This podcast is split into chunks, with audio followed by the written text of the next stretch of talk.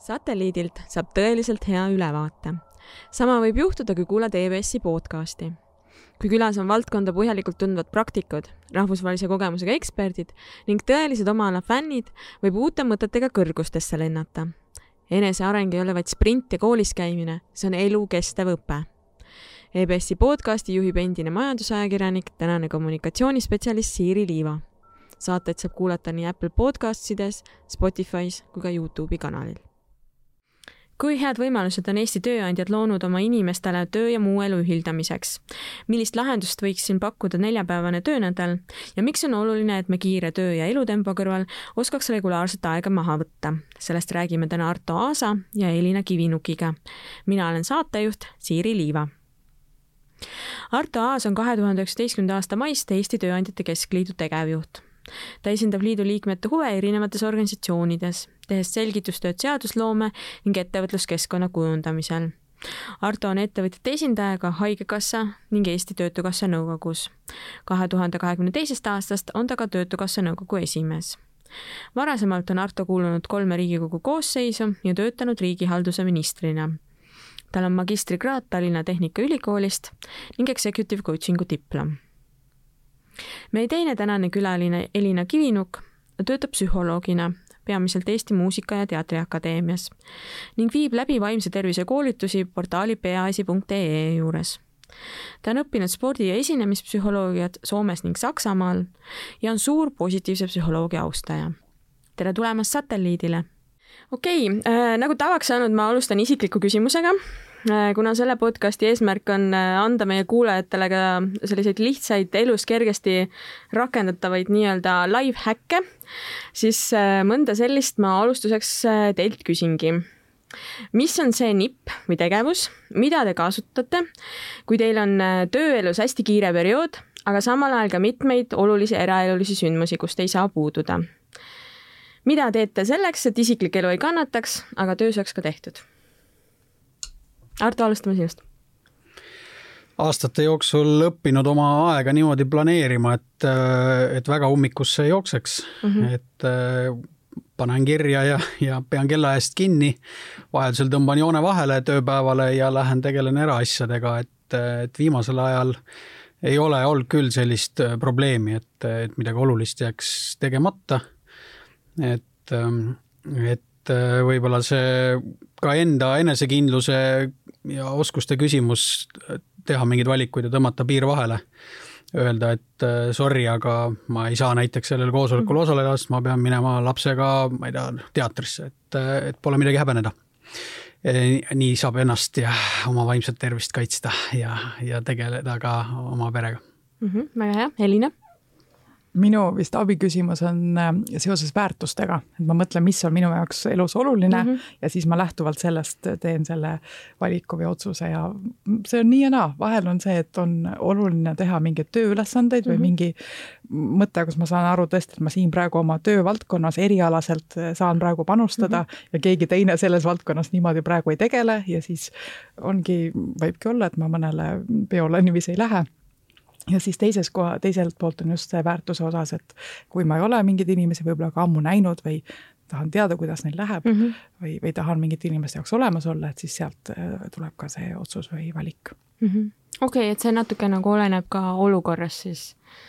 Et toimub, et sa siis põhimõtteliselt selles samas, selles olukorras nagu hindad, et, äh, et noh, et mis sel hetkel olulisem on just, ja just nagu nii-öelda väärtuste kaudu, et mõelda, et mis on jah, võib-olla tähtis või mis mm -hmm. on mhm. see, mida ma tahan praegu edasi anda sellel mm -hmm. hetkel mm. -hmm. Mm -hmm.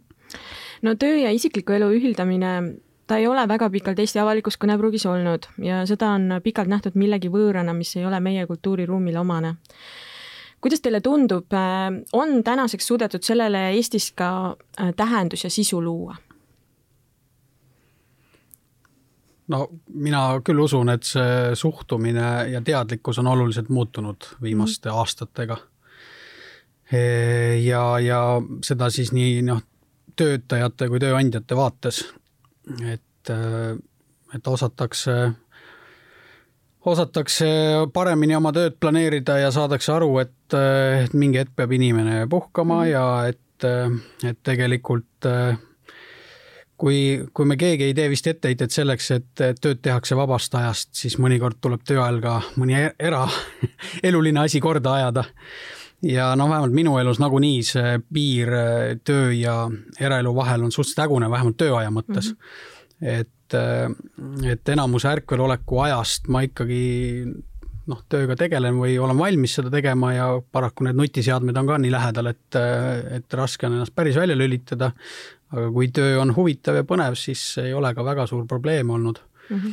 aga selles mõttes ma arvan küll, suhtumine on aja jooksul muutunud äh, ja, ja pigem sellise paindlikkuse, vabaduse ja isikliku vastutuse suunas enam ei ole nii tähtsad need tagumikutunnid ja kellast kellani kohale ilmumine, vaid pigem see, et, et asjad on õigel ajal tehtud ja hästi tehtud inimesed on erinevad, äh, töörütmid on erinevad, äh, töömeetodid on erinevad, et, et targad juhid ja organisatsioonid arvestavad mm, -hmm. ma arvan, nende eripäradega ja suudavad, äh, suudavad nii oma tööd korraldada ja sellised kokkulepped sõlmida, et, et see sobib igasuguste isiksuse tüüpidega mm. -hmm no Elina, mis mulje mulle, sulle on? mulle nii tundub just, et, et järjest rohkem jõuab see ju kohale, et inimene on tervik mm, -hmm. et kui tal on eraelus äh, väljakutseid, siis ta tegelikult ei ole ka töötajana väga efektiivne ja seal noh, tööandjal ei ole võimalik äh, kõrvale vaadata, ta tõesti saabki ju mõelda, mis see, mis see toetus on, mida sellel hetkel siis saab pakkuda mm, -hmm. võib-olla saabki pakkuda, ähm, kui on võimalik rahaliselt toetada või siis on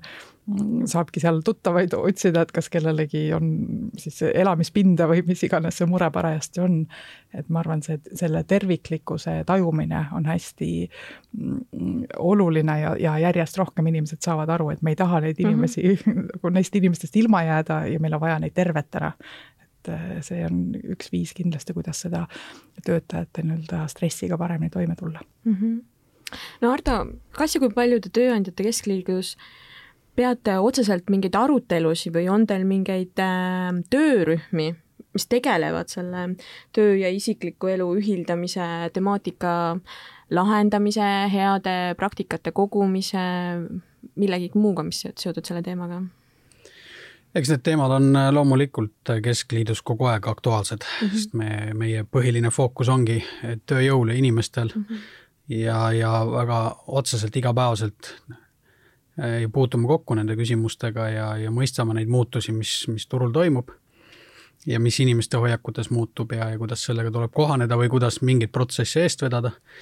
et meil on ka omad näiteks töörühmad, kes tegelevad nii siis tööjõuküsimustega kitsamalt kui ka terviseküsimustega mm, -hmm. noh, sageli see piir on seal ka tänapäeval väga, väga õhuke.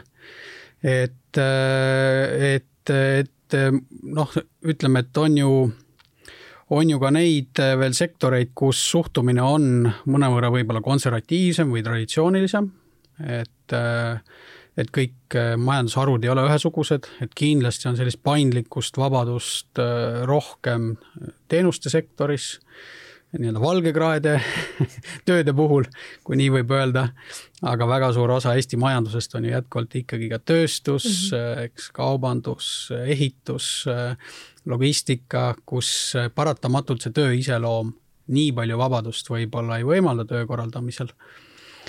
Aga, aga ka seal ikkagi äh, teatud trendid äh, aja jooksul muutuvad ja mis on Eestis, äh, noh, mis on väga suur niisugune game changer, on ikkagi see, et tööjõud on puudu mm. -hmm. et aastaid on ikkagi, püksid on nii-öelda töötajate jalas, eriti kui sa oled hea spetsialist, kui sa oled nagu haritud ja, ja kogemustega ja särasilmne inimene, eks siis on, on ikkagi, äh, võim on sinu käes mm -hmm. ja, ja töötajad saavad äh, dikteerida sageli oma neid soove ja, ja, ja tööandjad peavad kohanema ja arvestama ja, ja nad saavad aru, et meie kõige suurem rikkus on inimesed mm. -hmm. ja, ja sellepärast tuleb sinna panustada Mm -hmm. see on nii tore, ma nii intensiivselt noogutan kaasa ja saan aru, et seda ei ole ju näha aga ja, ja, ja selle juures just, et tuua välja, et noh, et on küll püksid on justkui töötajate jalas, aga selle, see ikkagi toob ju välja selle terviklikkuse poole ja selle, et, et üldjoontes me ikkagi oleme sellest indust-, industriaalajast edasi saanud ja loodetavasti ikkagi liigume pigem terve, tervema ühiskonna mm -hmm. suunas et, et selles osas on just nagu hea, et tegelikult kuulata, kuidas töötajatel päriselt läheb ja kas neil sobib ja kas midagi saab teha midagi pare-, noh, paremini mm -hmm. ka töökeskkonnas mm. -hmm no Arto, mis ma su jutust järeldan, on see, et, et selleks, et tööandjad konkurentsivõimelisena püsiks ja töötajate silmis atraktiivsed, juba sellepärast nad peavad mõtlema selle peale, et kuidas nagu võimaldada töötajatel töö ja isiklikku elu ühildada. aga oskad sa tuua teie liidu liikmete seast näiteid äh, ettevõtetest, kus siis äh, väga teadlikult on tegeletud äh, võimaluste loomisega töötajate töö ja isikliku elu ühildamiseks? Ma võib-olla konkreetseid nimesid välja ei tooks, et, et ma võib-olla teeks sellise üldistuse, et, et eks suuremad ettevõtted, eriti seal, kus on, on, on tööjõuga kitsas mm -hmm. ja, ja kus sa pead oma inimesi hoidma, eks see loomulikult sunnib mm -hmm. kõiki neid valikuid ka tegema, et ja, ja noh, ütleme ka sellised organisatsioonid, kus on võib-olla professionaalsed personalijuhid juba olemas, eks ju, kes hommikust õhtuni nende nende teemadega tegelevad, et ta ei ole ainult tegevjuhi või kellegi teise nii-öelda kõrvalülesanne mm. -hmm. et, et meie otseliikmed Keskliidus pigem on sellised keskmised ja suuremad ettevõtted, kus on niisugust professionaalset juhtkonda juba, juba palju näha ja, ja muidugi ka tegevjuhid ja omanikud peavad aru saama, kui oluline on näiteks selle personalijuhi roll tema ju suuresti aitab seda tiimi kokku panna, eks mm, -hmm. kes selle tulemuse koju toob aga, aga jah, et, et muidugi on,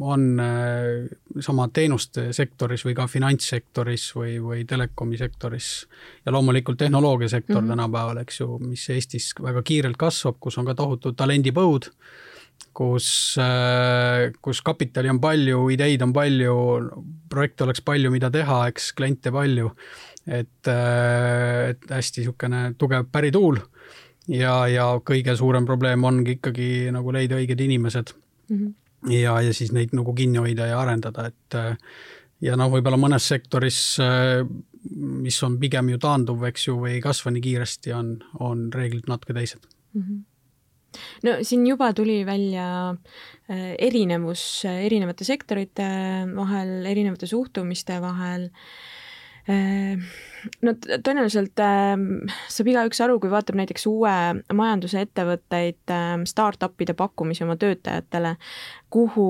tööturu trendid äh, liiguvad.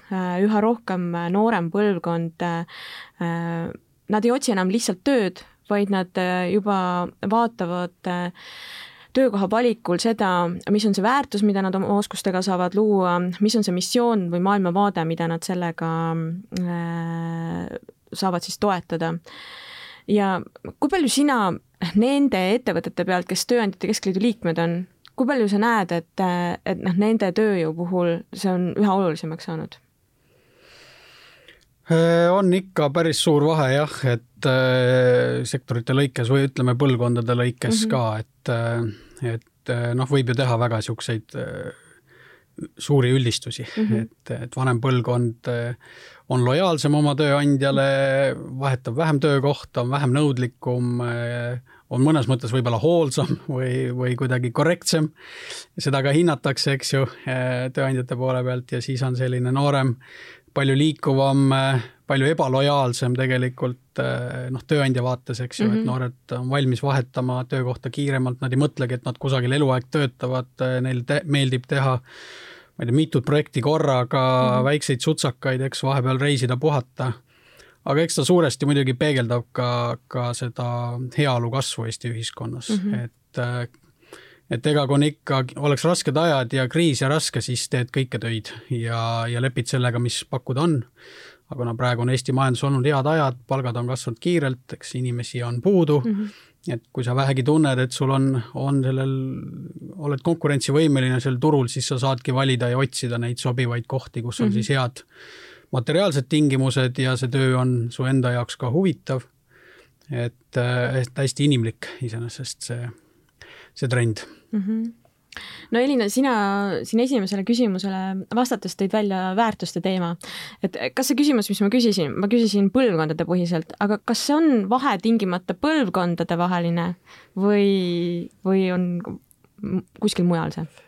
Ma ka just kõnetas see mõte ju selle väärtuse leidmine mm -hmm. ja ikkagi selle tähenduse leidmine mm, -hmm. et ma olen selles töökohas ja ma ei tee siis ühte seda konkreetset mingit mm, tükki sellel tööl, vaid et ma saan sellest laiemast mm -hmm. rollist ka aru, et ma arvan, see tähenduse loomine iseenda jaoks on hästi väärtuslik, et ta mhm. just on selle motivatsiooni mõttes mm, -hmm. et ma saan aru, et ma kuidagi panustan või, või näen, et see, mida mina, miks ma tulen hommikul tööle, et sellel on mingi kaugem mõte ja ma arvan, see on hästi üldinimlik mm -hmm. ja ma ei ole kindel, et seal on, vot võib-olla võiksin praegu mingite uuringutega kohe ka lajatada, aga mul ei ole niimoodi võtta, aga et see üldjoontes ju on teada ja väga noh, üks selline näide on siis äh, uurijalt Viktor Frankl, kes mm -hmm. siis ka eh, oli ju pikalt eh, nii-öelda koonduslaagris mm -hmm. ja siis tema tuli välja sealt selle tõdemusega, et niikaua, kui inimesel on tähendus mm, -hmm. nii kaua ja lootus on, et nii kaua siis inimene peab ka vastu mm -hmm. ja loomulikult ma ei taha siin kuidagi võrdsustada eh, töökohta siis koonduslaagri kogemusega, aga see mõte, et et võib-olla tööandjatel on vahel arusaamad mm, -hmm. et need ühed või teised asjad peaksid motiveerima, aga nad ei motiveeri. ja siis saab hoopis mõelda, et mis see tähendus on, mida see inimene iseendale selles töös eh, annab mm -hmm. ja ka kas ta saab selle signaali, et jah, see on tõesti nii tähenduslik, nagu mulle ka tundub mm. -hmm no Arto, sa tõid kaasa, et või sa tõid välja selle, et, et tänane nagu heaolu kasv on toonud noh, on toonud selle olukorra, kus me praegu oleme. et ehm, no mis sinu hinnang on, ma saan aru, sa töötad küll valdavalt tööandjatega, aga noh, see signaal, mis nendelt on tulnud, et mida töötajad otsivad, kui nad valivad mingi kindla tööandja? No inimesed on erinevad, eks, äh, eks loomulikult äh, see palk on ikka oluline, et see tuleb küsitlustest igalt poolt välja, et mm, -hmm. et loomulikult on palk oluline, ei ole mõtet seda alahinnata mm. -hmm. lihtsalt, mida me näeme täna, eks ju, selles nooremas põlvkonnas ja, ja, ja mis on seotud selle meie heaolu kasvuga, on see, et kui sul on äh, noh, näiteks jõukad vanemad, eks mm, -hmm. siis sa ei kiirusta nii mhm. ruttu tööle, sa võid olla rahulikult kodus, äh, võid käia ülikoolis, võid mm -hmm. vahetada eriala, vahepeal olla aastake Austraalias, eks ju, ja, ja noh, ühesõnaga, et äh, ei ole sellist äh, äh noh, tohutut tungi või mm -hmm. hädavajadust minna tööle ja haarata siis nendest võimalustest või noh, suvalistest võimalustest. et sealt tuleb see nagu suurem mänguruum nooremal põlvkonnal mm -hmm. täna, et, et need võimalused on ja, ja noh, kunagi me naersime äh, või vähemalt mulle tundus väga veider, et noh, seal Lõuna-Euroopas äh, lapsed ei koli vanemate juurest välja, eks ju, käivad mhm. äh, kolmekümnenda mm -hmm. eluaastani veel ülikoolis, elavad emme-issi juures, eks ju, ja tundus kuidagi koomiline. täna me näeme seda päris palju ka Eestis, et mm, -hmm. et päris mõnus on seal emme-issi makstud ja toidetud pinna peal olla et, et see on nagu üks pool ja, ja noh, loomulikult, et äh, kui need baasvajadused äh, on, on täidetud, siis sa saad otsida seda ägedat tööd mm, -hmm. eks ju, et oleks põnev, et, et sul oleks arenguvõimalused, et mm -hmm. oleks hea tiim Äh, pluss mingid kõrgemad väärtused, eks ju, et ma ei tea, kas on, tahad maailma päästa, on seal mingid rohelised ideed, eks ju, või mingi ühiskondlik roll, et, et seda on ka loomulikult, aga aga ma usun, et, et noh, kui inimene jõuab juba täisikka, tal tekib ka pere ja nii edasi, et mm, -hmm. et küllap sa ikka seda oma palganumbrit ka sealt tahad näha, et et see sind rahuldaks. et, et niisama lilled ja liblikad sind pikalt ei toida mm. -hmm. ja psühholoogina ikkagi siis eh, ma pean ka ütlema, et tegelikult on ka okei okay,, kui on teatud segadus. -hmm. noh, et ei, ei pea jõudma kohe esimesse valdkonda ja vot ütlema, see ongi minu ala ja siis ma siin mm, siis elan elu lõpuni, tegutsen selle valdkonnaga. et see ongi tegelikult okei okay, proovida mingeid valdkondi, saada aru, et see ei ole siin päris mm, siis minu valdkond või vähemalt saada aru näiteks, et ma väga hindan, et kui kolleegid on olulised ja mul on nende nendega sama huumorimeel või meil on sellised mm -hmm. toredad kontoripeod ja see on juba ka oluline mm -hmm. väärtus. ja siis ma saan sellest ka edasi teha järgmisi valikuid sellest lähtuvalt, et, et ma selles osas ka tahan lihtsalt kinnitada, et see tegelikult on okei okay olla aeg-ajalt segaduses ja, ja otsida ja saada aru, et see otsimine on ka vajalik mm. -hmm. või muuta oma valikuid. kas, ma ei tea, Elina, sa võid mind äh, parandada, aga kas ma mäletan õigesti, et põhimõtteliselt inimene keskmiselt neli kuni kuus korda elu jooksul vahetab äh, ametit äh, või nagu oma töökohta oluliselt ma ei tea, kas sa mäletad õigesti, minu, mina kuidagi siis seostub sellega Fred Jussi Äh, siis tema selline ütleb, et on rütm, on kümneaastane rütm. aa, kümneaastane rütm, okei okay.. mida mm -hmm. siis, äh, aga ma ütlen, ma ei ole ka kindel, kas see on praegu siin väga nagu teaduspõhine ja mm -hmm. kas mul see eesmärk siin praegu on, aga et just, et see kümneaastane rütm, et siis sa jõuad mingit muutust märgata ja mm -hmm. siis see tähendab, et sa elu jooksul just, et on teatud mõttes ju siis see piirab veidi mm, -hmm. kui nii palju, kui me teame, mis see keskmine eluiga on, samas me tänapäeval ju teame seda ka siis vananemise uuringutest, et tegelikult ei soovitata jääda pensionile, vaid et tuleb jääda eh, nii kaua kui võimalik tööle, leida endale selline otstarve, kus mm -hmm. inimene saab tööd teha, et see eh, ja, ja inimeste eluiga on palju pikem täna, nii et, et see, ma loodan jälle ka, et ikkagi on pigem lootusrikas ja helge no eks neid teooriaid tõenäoliselt on ka mhm. väga erinevaid või noh, viise, kuidas läheneda. aga ma küsin jälle isikliku küsimuse. Ehm, kuivõrd teie ootused töökoha osas on muutunud läbi teie tööelu? Ardo. no kindlasti on, muidugi on, et, et mina ka noore poisina veel põhikooli lõpus töötasin suvel taburetivabrikus, pakkisin taburette, väga primitiivne töö väga madala palga eest mm, -hmm. aga mhm. oli vaja taskuraha teenida ja, ja see tolleks hetkeks sobis hästi mm -hmm. ja ja tegelikult tagasi vaadates ma olen väga rahul, et ma pidin neid erinevaid raskeid töid tegema nii füüsiliselt kui rutiini mõttes mm, -hmm. et see kuidagi kasvatas mind, muutus, muutis tugevamaks ja, ja õpetas seda elu nii-öelda karmimat poolt ka. et äh, mina usun, et tänu sellele, noh, ma olen see inimene, kes ma täna olen mm -hmm. ja, aga loomulikult aja jooksul äh, ja nüüd, kus äh, enam nagu päris poisike ei ole, et loomulikult teed neid töökohavalikuid pisut teadlikumalt, äh, mõtled rohkem läbi, eks ju mm, -hmm. et mhm. mis puudu on, et kas puudu on, ma ei tea, palganumber või, või puudu on äh, mingi äge töö ja mm, -hmm. ja lahe, lahe keskkond ja arendav mingi meeskond, et et sellised lisanduvad väärtused äh, muutuvad üha tähtsamaks mm, -hmm. kui, kui teatud materiaalne kindlustunne on olemas juba mm -hmm. ja neid valikuvõimalusi on ja eks, eks need äh, tööturul need muutused praegu käivad ja, ja muudavad ka meie Eesti majandust ja ettevõtlust mm, -hmm. et et noh, mida me teame ju, et, et tööandjatel on väga raske leida nooremast põlvkonnast inimesi füüsilise töö peale, rutiinse töö peale, väga raske on inimesi palgata tänapäeval öisesse vahetusse näiteks mis mõnes sektoris, tööstussektoris on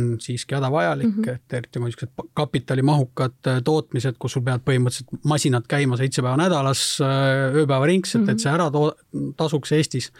väga keeruline leida sinna nooremast põlvkonnast äh, inimesi tööle ja, ja mis tähendab seda, et kui neid inimesi pole, Eesti riik ka nagu välistööjõu mõttes väga niisugune lahke riik ei ole, et, et piirangud on karmid, et tegelikult siis need ärid peavad muutuma ja, ja kohanema ja me peame tegema midagi muud. Äh, aga, aga ega ta lihtne ei ole ettevõtjate jaoks mm -hmm.. okei okay., äh, Elina, et kuivõrd sinu ootused on töökoha osas muutunud läbi tööelu?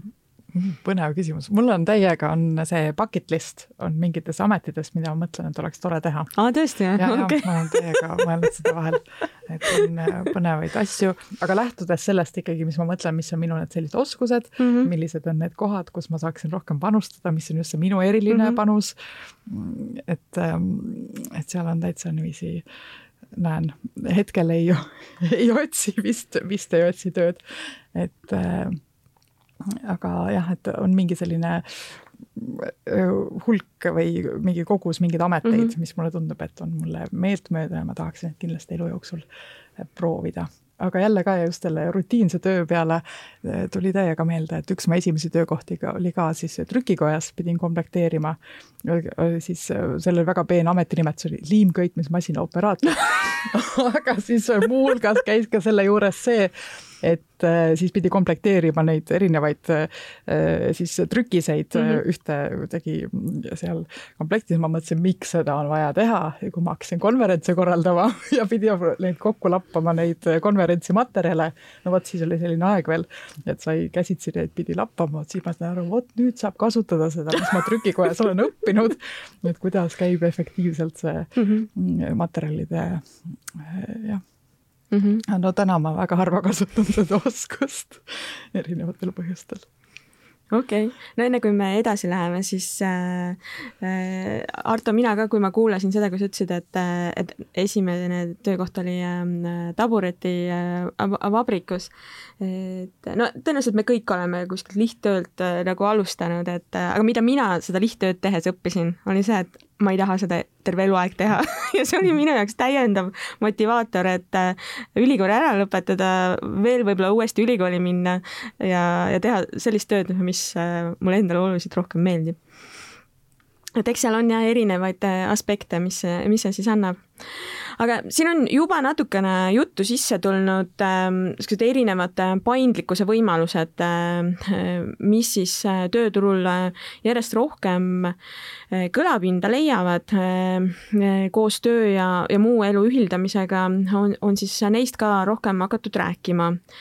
ja noh, kuigi juba aastaid tagasi tõid erinevad uuringud välja, et töötajad väga sooviksid erinevaid paindlikke töövorme, tööandjad ei tahtnud nende soovidega äh, kaasa tulla, et seal oli suur äh, erinevus äh, töötajate ootuste ja, ja noh, ütleme tööandja reaalsuse vahel.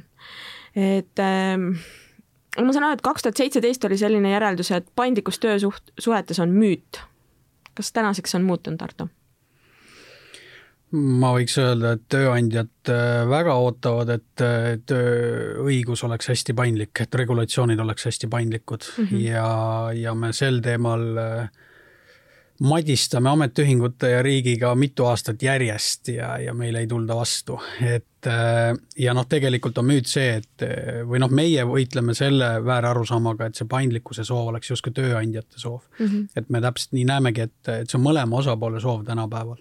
et nii töötajad kui tööandjad mõlemad tahavad, et oleks seda läbirääkimiste ruumi, et oleks võimalik ise kokku leppida mm -hmm. tööajas, töökohas, selles vastutuses et, äh, et seda vajab Eesti majandus küll, et püsida konkurentsivõimelisena.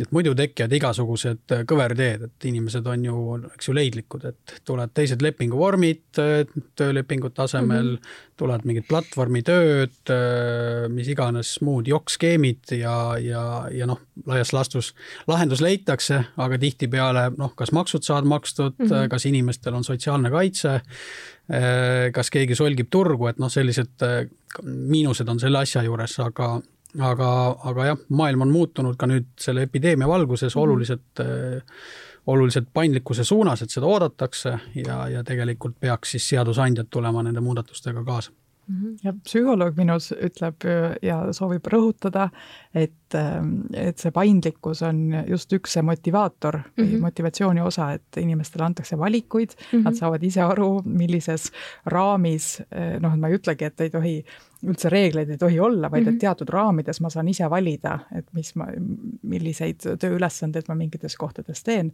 ja et just selle motivatsiooni osas ja stressi osas ka, et ma saan oma stressi vähendada või, või paremini juhtida selle tõttu, et mul on rohkem võimalus valida näiteks, et ma ei pea minema kaheksaks hommikul koosolekule, kui mul tegelikult on vaja viia lapsed heas tujus lasteaeda mm. -hmm et seal selliseid praktilisi näiteid, et mõelda, et anda rohkem inimestele valikud mm, -hmm. nad on üldjoontes õnnelikumad mm. -hmm no seadusandlikul tasandil on siin viimasel paaril aastal mingeid paindlikkuse vorme sisse viidud. kui palju praegu tööandjad kasutavad erinevaid paindlikkuse vorme? no üha rohkem, et, et turg seda lihtsalt nõuab ja, ja, ja et on vaja nagu teatud ametikohtadel saad seda pakkuda mm -hmm. ja, mhm. ja miks mitte, eks ju, kui töö saab tehtud. muidugi on jällegi, kordan üle, et on palju sektoreid, kus seda paindlikkust ei saa kasutada mm -hmm. väga, eks. no ta ongi väga sektoripõhine olnud see. jah, et mm, -hmm. et mingis kohas ikkagi tuleb äh, õigeks ajaks tööle tulla ja ja teistega koos võib-olla see vahetus lõpuni seal olla mm, -hmm. eks ju et, äh, et eks neid sektoreid on ka, aga, aga üha rohkem tahetakse, noh, meil siin õnnestus üks äh, niisugune pilootprojekt kaubandussektoris mm, -hmm. vaatame, kuidas see käima läheb. sellele ma viitasingi. jah, et äh, noh, see on üks suuremaid muutusi, mis viimastel aastatel on toimunud, aga, aga paraku noh, tööandjate vaates oleks võinud seal seda vabadust olla ikkagi oluliselt veel rohkem, et mm -hmm. selle rakendamine on praegu ikkagi kännu taga kinni, tundub keeruline ja kallis mm -hmm. ja juba nende palgaarvestus ja IT-süsteemide ümberehitamine on, on ettevõtjate jaoks nii keeruline, et, et paljud kõhklevad mm. -hmm. me üritame sarnast asja või noh, siis paremini teha ka hotellide majand-, majutusasutuste mm -hmm. sektoris. Et ka seal on palju, ütleme, noori, palju sellist hooajatööd, ajutist tööd mm, -hmm et prooviks sarnast asja tööajal ka teha no,. samamoodi see teatud tundide vahemik. jah, et mm -hmm. oleks seal ka niisugust vabadust ja paindlikkust rohkem, just mõeldes, et, et võib-olla noored, eks ju, käivad töö kõrvalt, võib-olla keegi aeg-ajalt ainult teeb jampse mm. -hmm. et, et selliseid muudatusi oleks vaja, et kui need piloodid nüüd õnnestuvad, siis tegelikult võiks paari aasta pärast noh, kõikides sektorites sarnast paindlikkust kasutada, et Eesti tööturg on nii väike, neid sektorite vahel ka piire tõmmata on üha keerulisem mm, -hmm. et tegelikult oleks hea, kui reeglid oleks lihtsad ja kõigil ühesugused. aga kuna siin noh, ametiühing on olnud hästi nagu skeptiline, riik on, on oodanud ka niisuguseid kompromisse ja olnud ka pigem ettevaatlik, et mm -hmm. siis mhm. praegu oleme liikunud paaris sektoris äh, pilootide kaupa, et mm, -hmm. et äkki need õnnestuvad, saab pärast kõigile teha mm. -hmm kui palju on äh, olukorda muutnud viimased kaks aastat ja maailmas äh, palju tähelepanu saanud koroonapandeemia? selle töö paindlikkuse mõttes. ja või ka ütleme nagu noh, ütleme üldse ühiskonna suhtumist, seadusandjate suhtumist, tööandjate suhtumist, töötajate suhtumist? Mm, üldjoontes ma arvan, et seda et on palju neid skeptikuid on pandud nagu sundolukorda ja on lihtsalt neile nii-öelda virutatud, et näete, saab küll. inimesed jäävad koju ja teevad seal ka tööd mm -hmm. ja mhm. on üsna kohusetundlikud mm. -hmm. küll aga minu enda, no vot nüüd tuleb minu siin isiklik hinnang ja suhtumine, mu lootus oli see, et see mõjutab rohkem ka koolielu mm.. et see mõjutab rohkem siis seda koolis äh, klassitundide aega, see, mil, mis üldse klassides mm -hmm. ja mhm. koolides toimub, et seal tekib rohkem paindlikkust. no vot seal see industriaalajastu veel jätkub ja, ja noh, ühesõnaga mm, -hmm. aga ootame, vaikselt tilk-tilk haaval tuleb sinna kivi sisse mm, äh, siis auk no vähemalt, mis oli positiivne, oli see, et õpetajate tehnoloogilised pädevused tõusid väga kiiresti äh, tänu pandeemiale. noh, ja osalt ka see ju sundus, et no, polnud, et ei ole kindel, kas see nii-öelda vabal valikul need oli vaja niimoodi teha, aga. kas see jätkub uh? -huh. no tööturul kindlasti ka, eks need äh, muutused olid juba enne õhus uh, -huh. et mhm. ega ju kaugtöö ei tekkinud üleöö mhm. -huh. ja, ja kogu see paindlik äh, töökorraldus ja tööaja mõttes. Aga, aga sai tohutu tõuke loomulikult mm, -hmm. pole kahtlust. Praegu veel ebaselge, et mis suunas see pendel liigub mm. -hmm. et, äh, et mis need pikaajalised nii-öelda järeldused on. et tundub, et, et pilt on kirju selles mõttes, et mm -hmm. osades sektorites, osades ettevõtetes jääbki hästi paindlik töökorraldus, inimesed ongi kodus, saavad sellega hakkama, see sobib nende äriga. teistes kohtades ikkagi nii töötajad kui tööandjad on väga õnnelikud, äh, kui nad saavad tagasi kontorisse tulla ja nii-öelda vana töökorralduse juurde tagasi mm -hmm. minna. ja eks siin loomulikult erineb ka riikide lõikes, sektorite lõikes, mõnes kohas ju oli ettevõtjate huvi see, et nad saavad kärpida oma kontorikulusid äh, ja töötajad olid õnnelikud, et nad ei pea iga päev, ma ei tea, poolteist tundi metrooga, eks ju, sõitma mm -hmm. suurlinnast tööle, et see commute imise aeg Äh, mis pidi olema õnnetundega väga otseses seoses, et mida lühem aeg tööle jõudmiseks kulub, seda õnnelikum inimene oma tööeluga pidi olema mm.. et, äh, et see suurlinnadeski ja suurtes keskustes kindlasti omab mõju mm. -hmm. Eestis, Tallinnas, noh, pole tegelikult meil ju ummikuid ja nii väga, väga hull see probleem olnud. aga kindlasti seda, seda vabadust on juurde tulnud aga samas noh, loeme siin Economisti ja Harvard Business Review'd, näeme, et mõned, mõned ettevõtted, ka valgekraede ettevõtted mm, -hmm. sellised teenusettevõtted, ikkagi näevad nagu kurja vaeva, et inimesed tagasi kontorisse meelitada mm, -hmm. nad teevad kontorit pigem uhkemaks mm, -hmm. mõnusamaks, et inimesed tahaks kontorisse tulla, et nad ei tahaks olla seal kodus diivani nurga peal mm -hmm. oma läpakaga mm, -hmm. vaid et nad tuleks kontorisse, mis, mis oleks juba niivõrd mõnus ja tore töökeskkond, et nad pigem ikkagi tuleks sinna tagasi Äh, niisugused kuubikud, suured niisugused äh, koprid mm -hmm.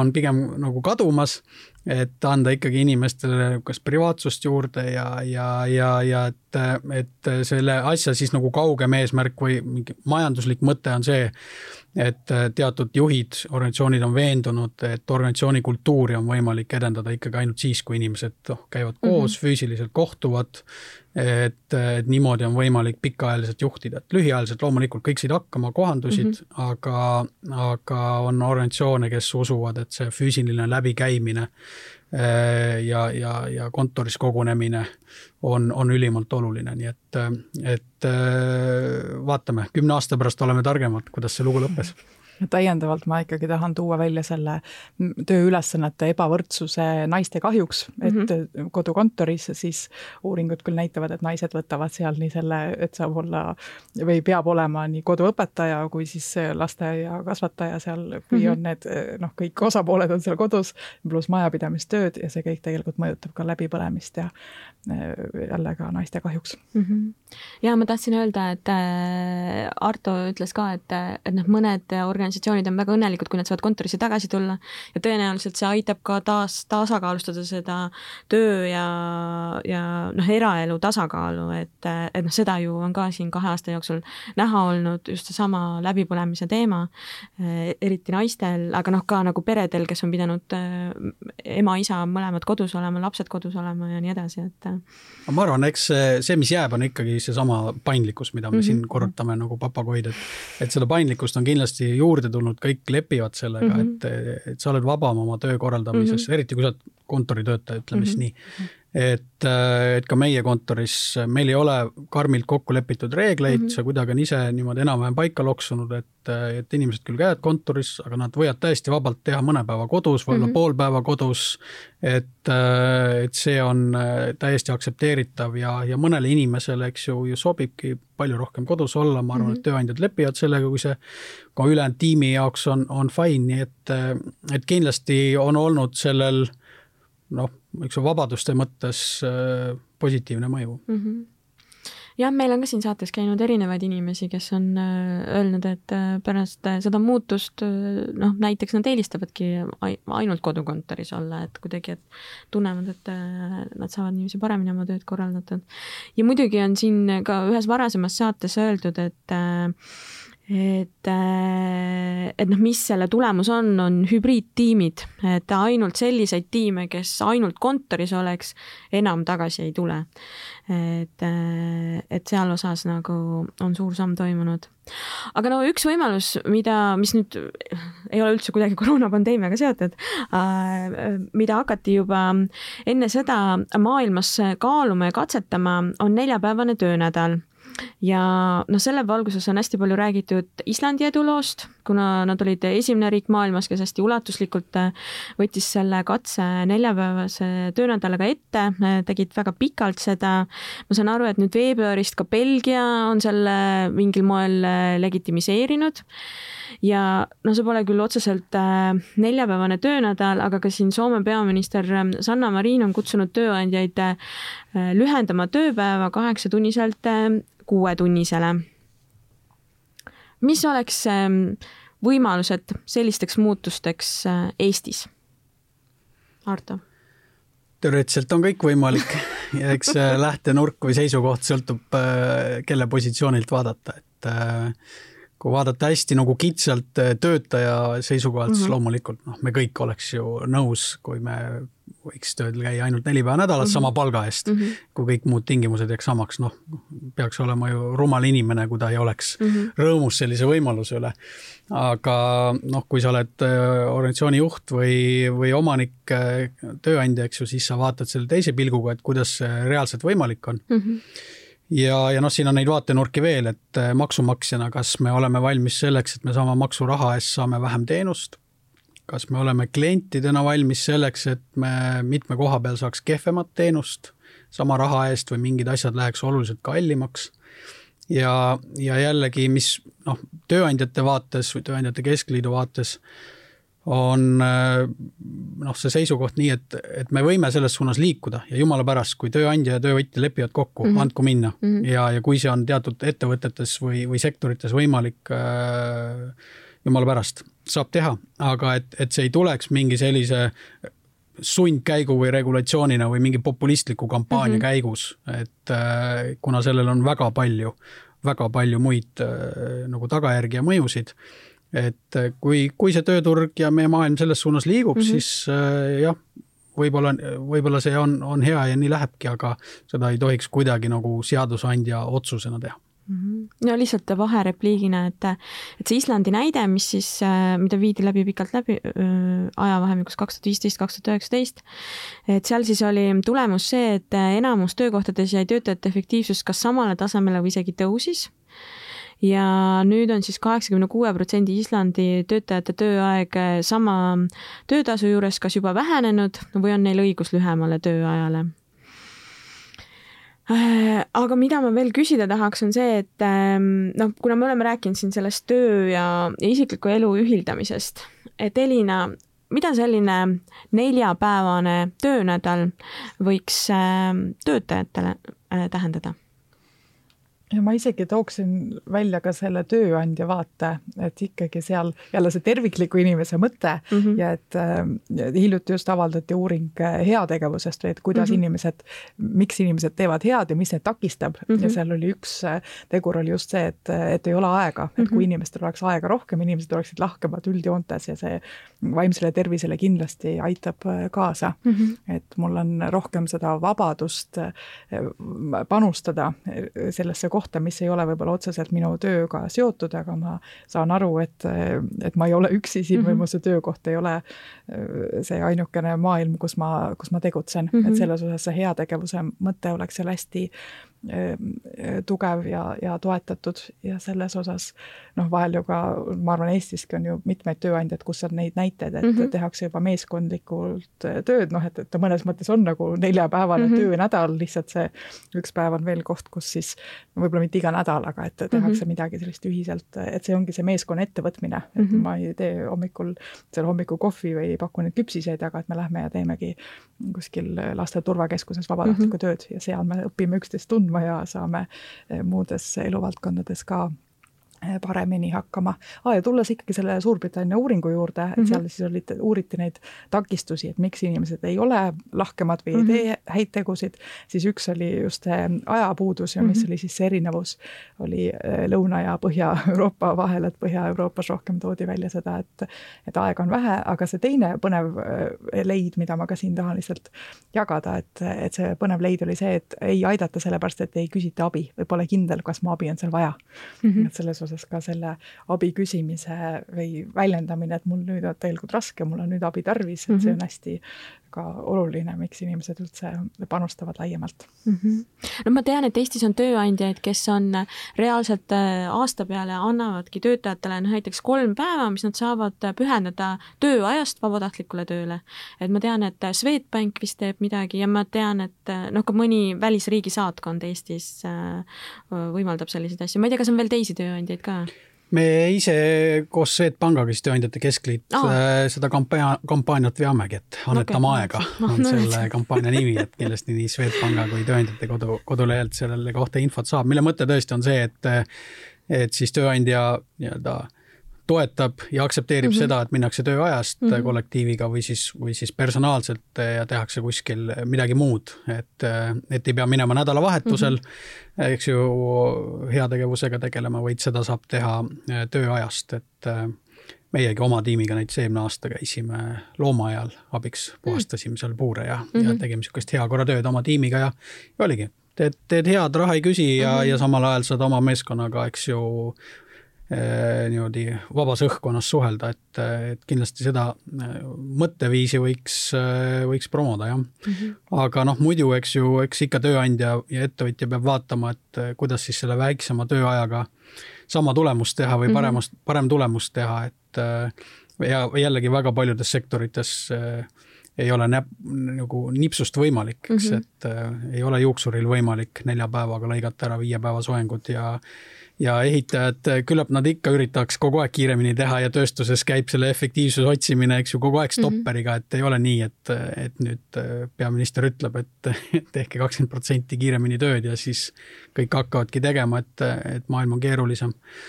et mõne loovtöö puhul või, või mõnes teises sektoris on, on võib-olla neid muudatusi lihtsam teha mm, -hmm. mina jällegi eeldan, et noh, et küllap inimesed on valmis selleks, kui jällegi see palgatase või heaolutase on piisavalt mm -hmm. kõrge, et, et noh, kui sa teenid, ma ei tea, viisteist tuhat kuus ja siis saad otsustada, et kas see järgmised paar tuhat siia-sinna nagu on oluline või ei ole või sa pigem kasutad oma vaba aega ja eks on ka ju öeldud, et aristokraatide kõige suurem rikkus ongi see, et neil on palju vaba aega.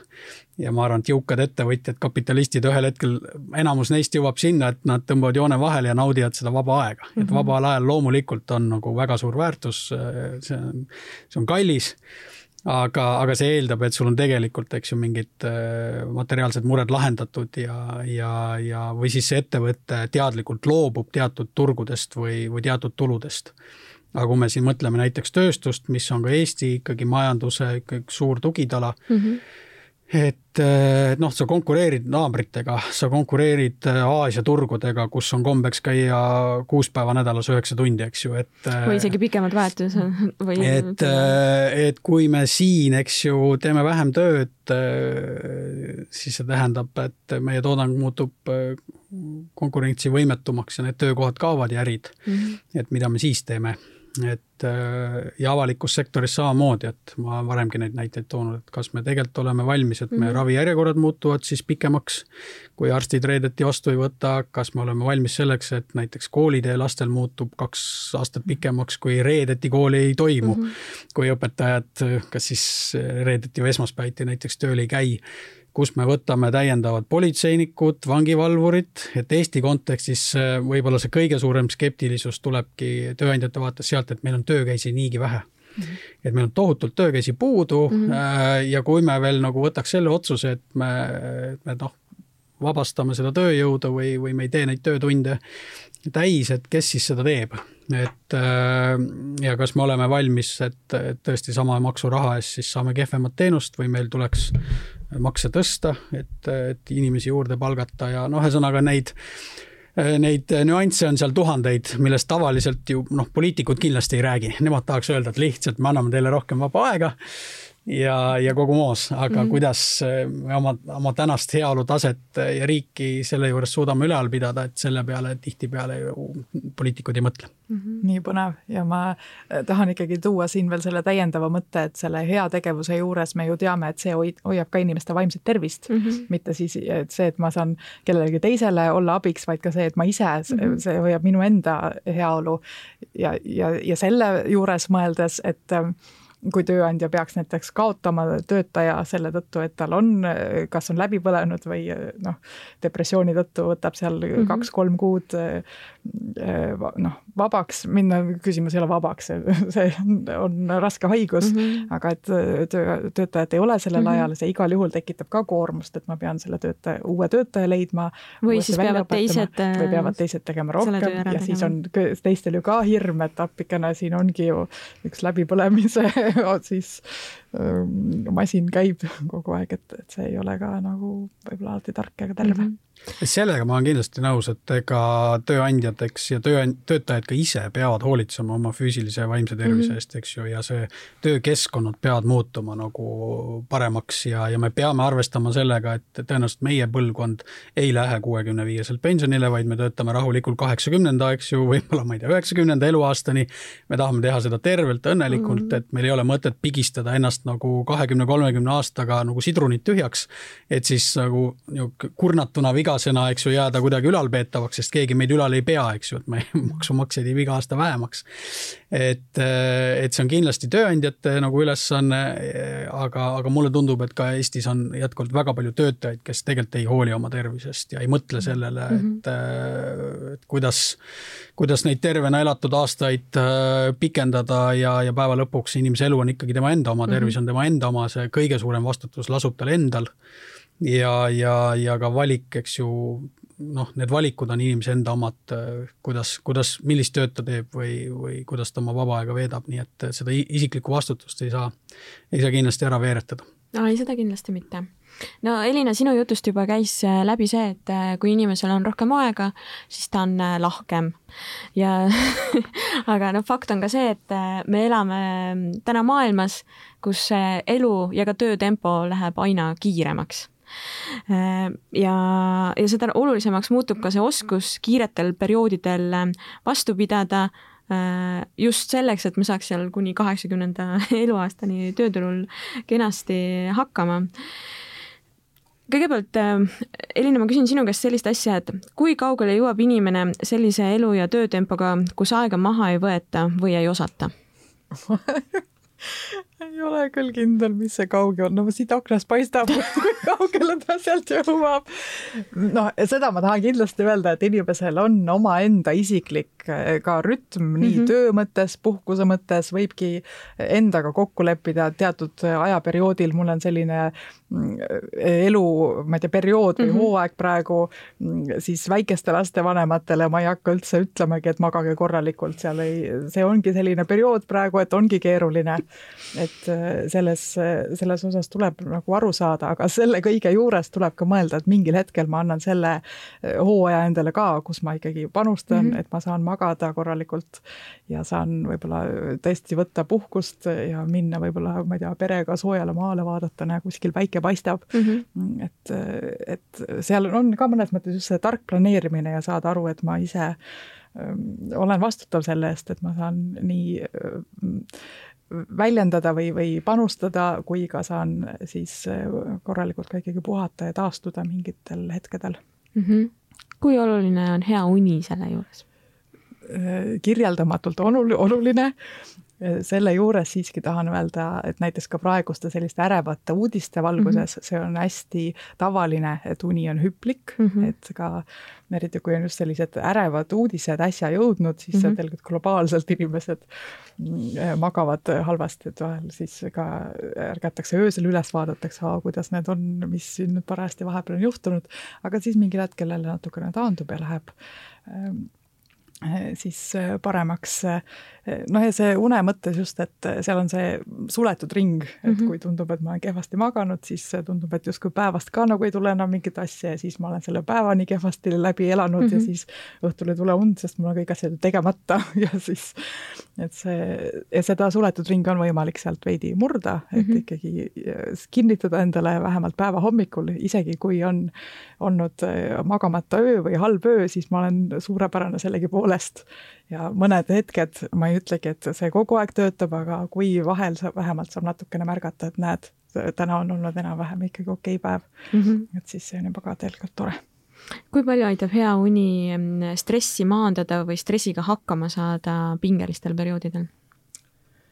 Noh, peaksin ju praegu ka viskama siis uuringuid varrukast, aga see ei ole võib-olla isegi nii tähtis, vaid pigem on just, ma arvan, mõelda nagu sellele kultuurile, et mm -hmm. mulle tundub justkui ma peaksin vähem magama, kui on palju rohkem stressi või ka siis äh, just ka siin võib-olla endal äh, kõrgkooli kontekstis mõeldes ka, et eksamisessioon, ega siin keegi ei maga mm -hmm. ja mhm. selle, ja selle juures on just palju olulisem ikkagi rõhutada ja proovida pöörata tähelepanu, et see uni oleks no täiskasvanud inimesel seitse kuni üheksa tundi, nooremal mm -hmm. inimesel veel pikemalt mm. -hmm.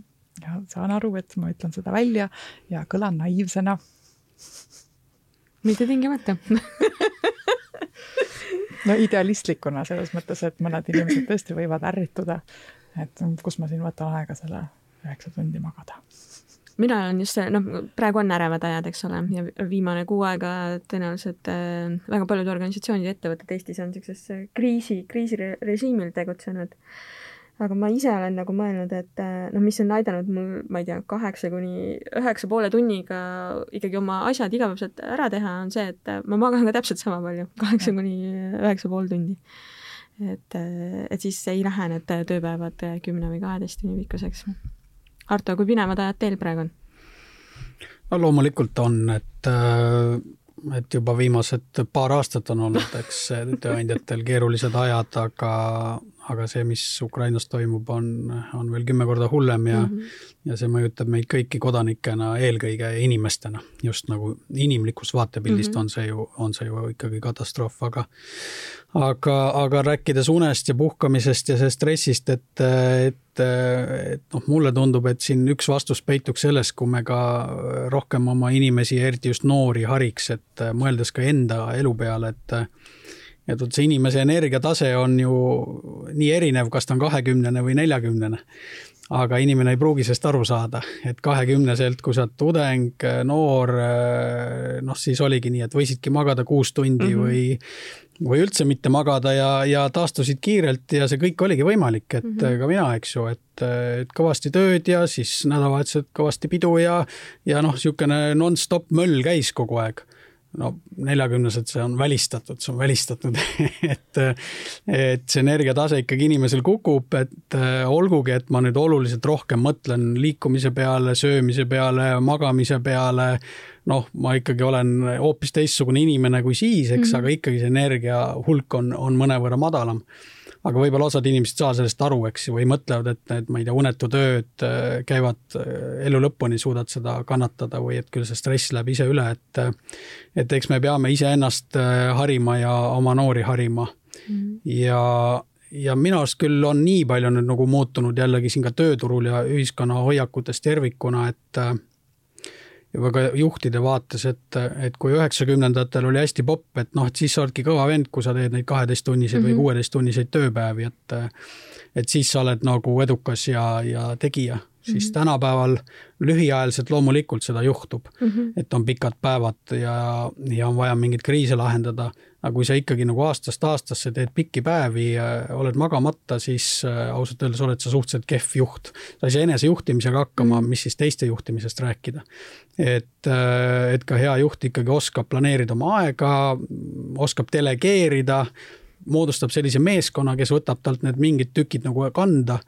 et äh, või noh, toitumine ja liikumine sinna juurde mm -hmm. loomulikult, eks ju, et kui inimene on tervik, nagu siin on palju kõlanud mm -hmm. ja mhm. ja, ja kui sa ennast lihtsalt niimoodi läbi põletad lühiajaliselt, siis su töövõime langeb ja, ja sa ei mõtle selgelt ja sa oled stressis, sa käitud inimestega halvasti mm -hmm. ja see mõjutab sinu tulemuslikkust ja kõike, et, et see noh, täna, eks ju, pigem ma imetleks nagu juhti, kes, kes suudab nelja tööpäevaga oma asjad hakkama saada.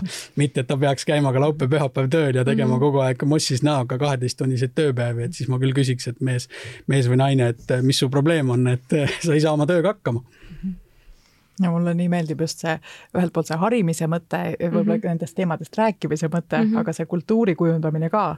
et kui ma saadan õhtul, ma ei tea, kell üksteist e-kirja, siis ma tõesti hommikul üheksast ei oota vastust juba sellele. et, et see ongi okei okay,, et ähm, me võime ka kokku leppida, et pärast kella üheksat me ei saada ühtegi töökirja ja siis mm, või ikkagi siin selles kõrgkooli kontekstis, et need koolitöö tähtajad on kell kümme, mitte keskööl ja seal on juba see ju tekib täitsa äh, tore lõtk, et kella kümnest esitad töö ära, tudeng alati esitab see, no vabandust, äh, tudengid kipuvad siis saatma selle viimaseks äh, tähtajaks. Ja siis, kui kella kümneks panna see, siis on juba, seal on tund aega ikkagi tekib see hetk, et saan teha midagi toredat ma ei tea, mina oma viieaastase õpetaja karjääri jooksul ma panen kogu aeg südaööks kellaaja, aga see on üldhariduskoolis, mitte, mitte ülikoolis. veel hullem. Üli... ma saan aru nüüd, et ma.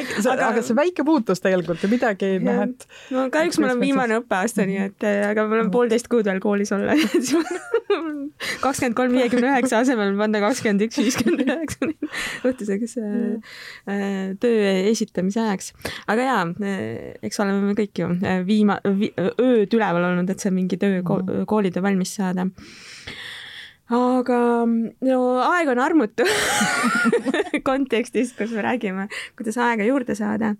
Äh, aga enne kui me selle nii sisulise osa lõpetame ja me traditsioonilise lõpuosa juurde läheme, ma küsin siiski veel, et ähm, kuidas saada igapäevaselt aega juurde, et ku kuidas seda aeglustada?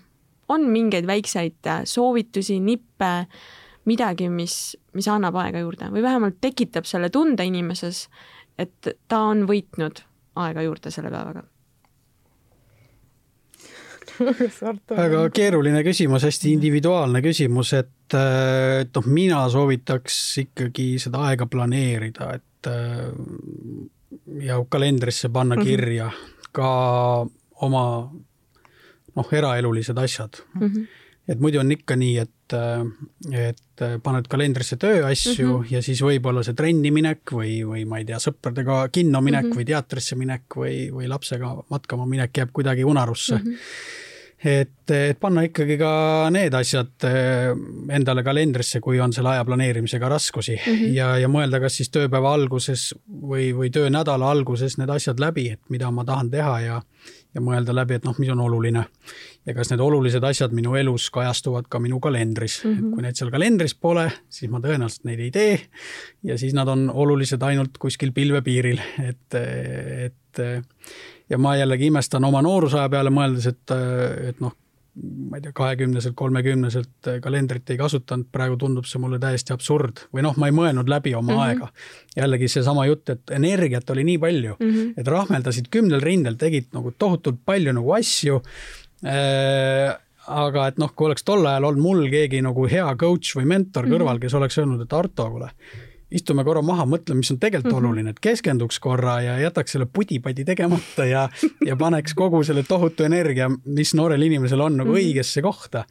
noh, ilmselt oleks nagu imesid teinud, eks ju -hmm. aga noh, aja jooksul on tulnud nüüd see tarkus ja mm, -hmm. ja, ja pead nagu õppima, eriti kui tekib pere ja on väiksed lapsed, et siis see kõik muutub kümme korda keerulisemaks, seda mm -hmm. enam pead läbi mõtlema ja, ja, ja tõepoolest äh, mingi, mingi väike süsteem äh, võiks inimesel siis olla, kui ta on mhm. oma aja planeerimisega hädas. ja, ja võib-olla üks tüüpiline viga veel, mida tublid inimesed teevad, on see, et nad võtavad liiga palju asju kanda, et nad mm -hmm. ei oska mhm. ei öelda.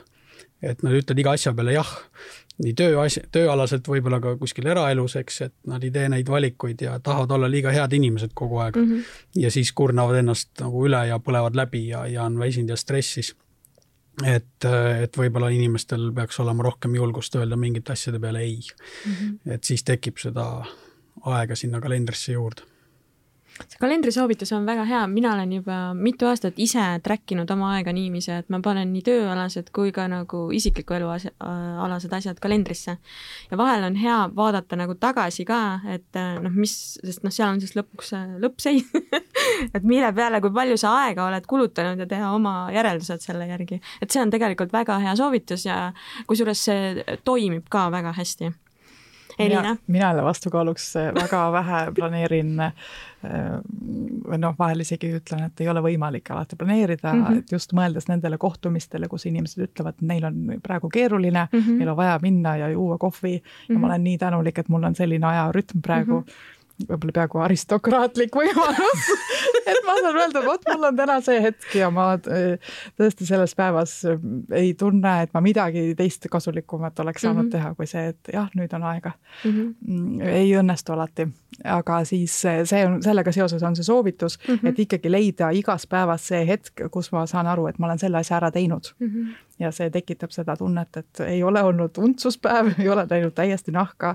ja eh, siis eh, seda, just seda kerget seda saavutustunnet mm, -hmm. et mõelda, mis see asi on, mis ma olen ära teinud ja siis eh, ja tegeleda nende muremõtetega, et saada aru mm, -hmm et kui on olnud eh, mõni päev, millal on olnud eh, vähem seda muretsemist või seda kiire, et ei ole olnud nii kiire päev, siis ikkagi võtta see hetk, võib-olla see kalendri taga, kui vajalik, aga võtta see hetk, mõelda, et aa, mis ma siis, mis see tegi selle võimalikuks, selle päeva, et oli nagu ägedam mm, -hmm. oli parem ja panna tähele seda mustrit seal mm. -hmm Hardo? ma tahtsin täpsustada, et tegelikult saab sinna kalendrisse planeerida ka seda aega, kus sa ei tee midagi mm. -hmm. et ja. see on ka täiesti okei okay,, aga mina aeg-ajalt ikkagi üritan endale tekitada neid päevi või vähemalt poole päeva kaupa, kus mul mm -hmm. ei mhm. ole mingeid kohtumisi mm, -hmm. ülesandeid ja, ja, ja niisuguseid kohustuslikke kohustuslikke tantsusamme, et mm, -hmm. et siis loedki ja mõtled ja, ja võib-olla paned midagi kirja ja, ja vaatadki oma neid tehtud asju ja, ja planeerid tulevikku, et ka seda tuleb planeerida, sest noh, juhtide puhul eriti, eriti veel nagu juhtidel, kelle kalendril on ka teistel inimestel ligipääs. Mm.. et need kalendrid kipuvad täituma alati, eks ju, äh, oluliste ja ebaoluliste asjadega, et siis tuleb ka sinna aeg-ajalt panna sisse, et äh, vot nüüd selle, selle päeva või need tunnid hoiame mm -hmm. vabad ja, ja nii on. Mm -hmm.. kusjuures just sellest samast asjast äh, rääkides, mis sa välja tõid, mina ka pidin täna ühe kolleegi kalendrisse vaatama, kas tal reedel teatud ajal on aega, tal ei olnud ja siis, kui ma temaga, talle mainisin ta ütles, et jaa, aga ma kõik lõuna ajal tead, kella kaheteistkümnest üheni ma olen kalendris kinni pannud, et mul oleks nagu rahulikult aega pidada seda lõunapausi mm. -hmm. mis on ülimõistlik selles mõttes, et äh, ja tõesti, kui on ka teistel inimestel kalendrile ligipääs, et siis, siis see on väga-väga hea. okei okay., see teema on väga põnev, see, seda võiks veel mitu tundi edasi rääkida aga meie saateaeg on ikkagi piiratud ja, ja nüüd me enne saate lõpetamist ähm, läheme veel traditsioonilise lõpuosa juurde, kus äh, kõik külalised saavad meil alati samadele küsimustele vastata, samamoodi ka teiega, ei pääse teiegi nendest traditsioonilisest kolmest küsimusest. ja esimene neist on, mis on see juhtimisraamat, mida soovitaksid lugeda kõikidel, keda huvitavad äh, juhtimisküsimused või väljakutsed? Elina no mul ei ole väga klassikalist juhtimisraamatut siin, aga mõeldes nendele teemadele, mis on siin täna eh, tulnud, eh, et siis selline mm, pikem, eh, et me oleme vanemas eas ka viljakas eas või sellises tootlikus eas või to tootlikud mm -hmm., siis tuleb ikkagi raamat Edith Egerilt ja kuidagi tun tahan tunnustada seda ka, et on eesti keelde tõlgitud mm -hmm. tema raamat Kingitus ja siis äh, seal on üsna klišee alapealkiri, aga siis tegemist on vana naisega, psühholoogiga mm, -hmm. kes oli küll äh, kuueteistaastaselt ka samamoodi koonduslaagris mm -hmm. ja siis kogu selle oma valu ja selle andestamise ja selle protsessi on ta pannud siis psühholoogina kirja mm -hmm. ja see on, ma arvan, hästi oluline selle juhi mõttes ka mm -hmm. iseenda, endale vaadata otsa, saada aru, et on mingid asjad, mis kripeldavad, mis teevad haiget, aga mm -hmm. sellel on võimalik siis sellega on võimalik tegeleda mm -hmm. ja liikuda edasi, et et eh, saada paremaks inimeseks. aga see on väga huvitav, minu meelest ühtegi otseselt psühholoogi kirjutatud raamatut meil ei ole varem välja toodud. alati on esimene kord nii, Ardo, sinu soovitus no mul on hästi palju raamatuid muidugi kogu aeg kapi peal ja, ja kümnete kaupa on, ma neid neelan ja, ja juhtimisõpikutest äh, isegi natukene juba väsinud mm, -hmm. sest et aastate jooksul sealt tekib siiski teatud muster ja mm, -hmm. ja, ja ma arvan, et ma olen selle mustri nagu selgeks saanud. aga kuna küsiti ühte asja, siis mul just töökapi peal on raamat See üks asi nii lihtne ongi, raamatu autorid on Gary Keller ja Jay Papasan, see on eesti keeles äh, mõni aasta tagasi ilmunud. niisugune lihtne mm, -hmm. ei midagi keerulist, pigem niisugune enesejuhtimisõpik isegi kui mm -hmm. juhtimisõpik. ja, ja miks ta mind nagu kõnetab, ma tegelikult loen seda teist korda just, on väga harva, kui ma loen ühte raamatut kaks korda, on see, et meil tohutu info üleküllus mm -hmm. ja, ja tohutult palju niisugust rööprähklemist ja, ja mitusada asja korraga. ja et ja see raamat just nagu toonitab seda, et kui sa tahad kuhugi jõuda oma elus või üldse maailma muuta, siis sa pead keskenduma ja, ja, ja tegelema väheste asjadega, aga tegema neid hästi mm. -hmm. ja, ja ta on niisuguse lihtsa enese juhtimisraamatuna kirja pandud, mida kannatab lugeda ka õhtul kell kümme enne mm -hmm. magama minekut nii et äh, ma soovitaks seda mm. -hmm. see üks asi, väga hea.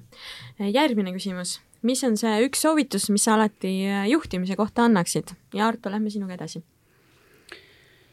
Äh, mina millegipärast, neid soovitusi oleks ju palju, aga aga täna siia tulles mõtlesin, et, et räägiks vastutuse võtmisest, ma arvan, et see on nagu juhi puhul üks olulisemaid asju, et sa võtad täieliku vastutuse mm -hmm. oma, oma, oma meeskonna ja oma, omaenda elu ja oma organisatsiooni suhtes. et kui sa oled juba juhiks saanud, siis, siis tegelikult sinu ülesanne on leida lahendusi ja, ja mitte kuidagi otsida vabandusi või mm, -hmm. või mingeid põhjuseid, miks asjad on kehvasti või mm, -hmm või et miks, äh, ma ei tea, et mõni tiimiliige on nõrk või mõni eesmärk jääb täitmata ja nii edasi, et, äh, et neid vabandusi on hästi lihtne leida, aga sinu kui juhi ülesanne on, on tegelikult vastutada ja lahendused leida. et minu jaoks niisugune täna tundus oluline, oluline põhimõte mm. -hmm. väga hea, Elina? ja vot, mulle tundus täna ka selline põhimõte, no see lihtsalt see üks asi siis selle osana soovitusena on siis kuulata rohkem mm. -hmm. ja ma mhm. tegelikult olen kasutanud just siin tsitaadina siis ühe USA võimlemistreeneri tsitaati mm, -hmm. Miss Väll on tema siis hüüdnimi äh, võimlemises ja tema tsitaat kõlab niimoodi. üks suurimaid kingitusi, mida saame teisele inimesele anda, on oma mõtete vaigist, vaigistamine ja kuulata tõeliselt, kui keegi teine räägib tähtis on vaigistada oma mõtted vajadusest, et sul peab alati olema õigus või et pead sõnastama sobivat vastust mm. -hmm. no väga hea soovitus see on, kui hakata coaching ut õppima, siis see on peaaegu üks esimesi selliseid põhimõtteid, mis hea coach'i puhul on, et ja hea juhi puhul üldse mm. -hmm või hea inimese puhul laiendame siis niimoodi, et mm -hmm. sa oskad kuulata ja see on äh, asi, mida saab õppida ja harjutada mm -hmm. ja alguses võib tunduda paljude jaoks väga keeruline. Et siin on lõpmatu arenguvõimalus ilmselt kõigil, et see oli väga hea, ma arvan, väga hea tähelepanek mm. -hmm. no coaching'u puhul öeldakse, et see on niisugune küsimiste kü-, kü-, issand jumal küsimuste küsimise kunst, aga noh, selleks, et õigeid küsimusi küsida, sa pead ka inimest kuulama. et ähm, nii, ja viimane, kolmas küsimus.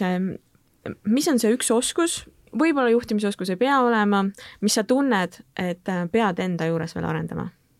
Elina no päris mitmeid on ju ikkagi siin tuleb meelde, aga ma, see on natukene ka mu uusaasta lubadusega seotud, et ma tahan rohkem jagada neid siis esinemisi või etteasteid mm, -hmm. kus ma olen osaline ja siis mm -hmm. alustan ikkagi väiksest sammust, ütlen, et seda podcast'i vestlust siin luban, et jagan, et sageli see sisemine kriitika on hästi tugev ja saan aru, et noh, et mõtted jäid veel sümboolikuks või kõiki asju ma ei saanud välja öelda, aga saangi aru, et tegelen selle sisemise kriitikuga ja siis jagan seda vestlust siin nende ähm, intelligentsete inimeste seltskonnas olles. okei okay,, väga hea. Nii, Arto? Minu, mul ka ja nimekiri oleks loomulikult väga pikk, mida arendada, et äh, suured enesekriitikad siin. et äh, jah, siin võiks mitu tundi rääkida, aga võib-olla selle raamatu soovitusega ühel lainel, et äh, sooviks ka endale rohkem keskendumisvõimet. Mm, -hmm. et äh, et ennast äh, välja lülitada või siis õigupoolest äh, jah, sellest kuidagi mürast äh, eemale astuda ja hästi tihti ma näen seda, et, et sa lükkad mõnda ülesannet edasi, mõnele kirjale vastamist, mõne probleemi lahendamist, mõnda ebameeldivat kõnet lükkad päevade, mõnikord nädalate kaupa mm -hmm. edasi, see rikub ka une ära, millest me täna rääkisime, et väga tihti see rikub su une ära. ja, ja, ja tekitab stressi ja siis, kui sa ühel hetkel keskendud, siis selle ülesande täitmine võtab võib-olla kümme minutit või viisteist minutit ja, ja siis on niisugune tunne, et, et kurat küll, kui, kui loll võib inimene olla, eks ju, et, et keskendu äh, ja mine sinna tsooni, nagu öeldakse mm, -hmm. ja imed hakkavad juhtuma ja mm, -hmm. ja tore, kui sa suudad, eks ju, aeg-ajalt oma telefonid või arvutid välja lülitada mm -hmm. või panna oma kontori ukse lukku, eks ju, et, et saada rahulikult mõelda asjadele, et siis tulevad palju paremad tulemused mm. -hmm ja täiesti tunnen iseennast ka ära, et, et vahel mõtled mingi probleemi või ülesande suuremaks, kui ta lõpuks osutub, et, et saab oluliselt kiiremini tehtud. nii, aga selline oligi meie seekordne saade. aitäh, Arto, aitäh, Helina. aitäh ka meie kuulajatele ja peatse kohtumiseni. see oli EBS-i podcast Satelliit. Saateid saab kuulata nii Apple podcastides, Spotify's kui ka Youtube'i kanalis